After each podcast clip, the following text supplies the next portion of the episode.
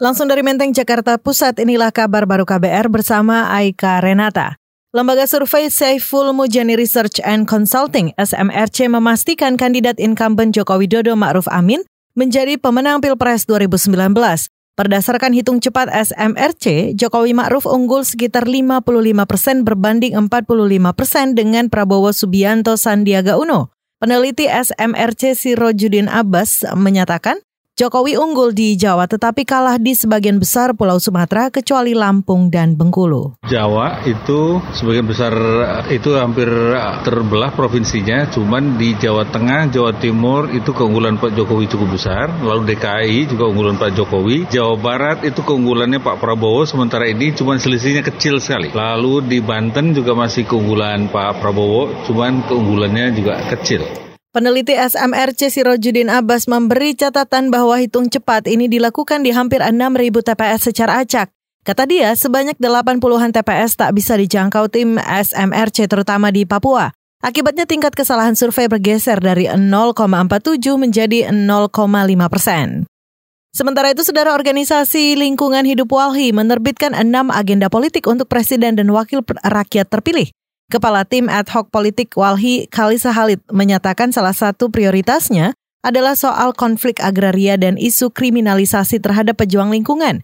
Kata dia, pemimpin terpilih harus membentuk pengadilan lingkungan hidup dan badan ad hoc untuk menyelesaikan konflik agraria. Badan itu bertanggung jawab kepada presiden. Menurutnya rekomendasi itu telah digaungkan sejak era kepemimpinan Presiden Megawati Soekarno Putri. Kami ingin memastikan mengembalikan kembali kewajiban negara sebagai benteng hak asasi manusia dengan peran perlindungan, penghormatan, dan pemenuhan terhadap hak asasi manusia termasuk di dalamnya hak atas lingkungan hidup. Hmm. Nah, dalam poin satu tersebut kami ingin pertama memastikan negara mengakui dan melindungi masyarakat adat melalui Undang-Undang Masyarakat Adat yang mengakui perlindungan masyarakat adat secara utuh, hak-hak masyarakat secara adat hmm. secara utuh.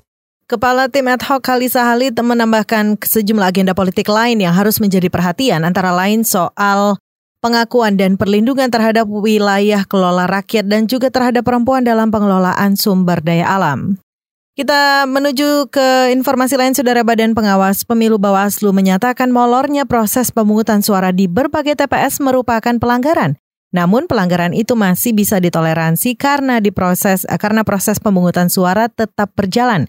Anggota Bawaslu Fritz Edward Siregar menyatakan ada tiga faktor penyebab molornya proses pencoblosan, yakni keterlambatan logistik, lamanya pengiriman surat suara ke TPS, dan kurang atau tertukarnya surat suara di beberapa TPS. Padahal secara undang-undang harus dimulai di pukul 7. Bahkan ada beberapa TPS yang dimulai pukul 10. Bahkan ada juga TPS yang dimulai pada pukul 11. Terhadap TPS yang telah dibuka, betul kan sebagai sebuah pelanggaran, tetapi kan tidak menyebabkan bahwa dia tidak dapat bisa memilih. Tandanya sih, itu kembali lagi bagi para TPS yang terlambat terbuka, seharusnya kan dia bisa melakukan pendataan terhadap orang yang sudah mengantri antri. Jadi orang yang sudah datang tersebut tetap dapat memilih. Sementara itu Ketua Bawaslu Abhan menyebut sebagian wilayah Jayapura dan Maluku bakal diadakan pemilu ulang. Dikutip dari antara hal ini lantaran di beberapa daerah itu logistik belum sampai sehingga pemungutan suara urung digelar. Bawaslu bakal melakukan investigasi terkait permasalahan itu. Informasi lainnya, saudara sebanyak 46 dari 70 narapidana di Rutan Polda Jawa Tengah menggunakan hak pilihnya di pemilu 2019. Wakil Direktur Tahanan dan Barang Bukti Polda Jateng Agus Sultan menyatakan Sisanya sebanyak 24 orang tak bisa memilih karena bermasalah secara administrasi. Untuk tahanan Direktur Bupati adalah sebanyak 70 orang. 70 orang tersebut yang punya hak pilih adalah semua punya hak pilih, namun sesuai dengan data yang ada pada kami yang yang melaksanakan sesuai dengan persyaratan adalah 46 orang. Karena dari sisa ini adalah 24 orang ini tidak punya KTP atau KTP setelah kami dari keluarga tidak bisa memberikan KTP yang akurat.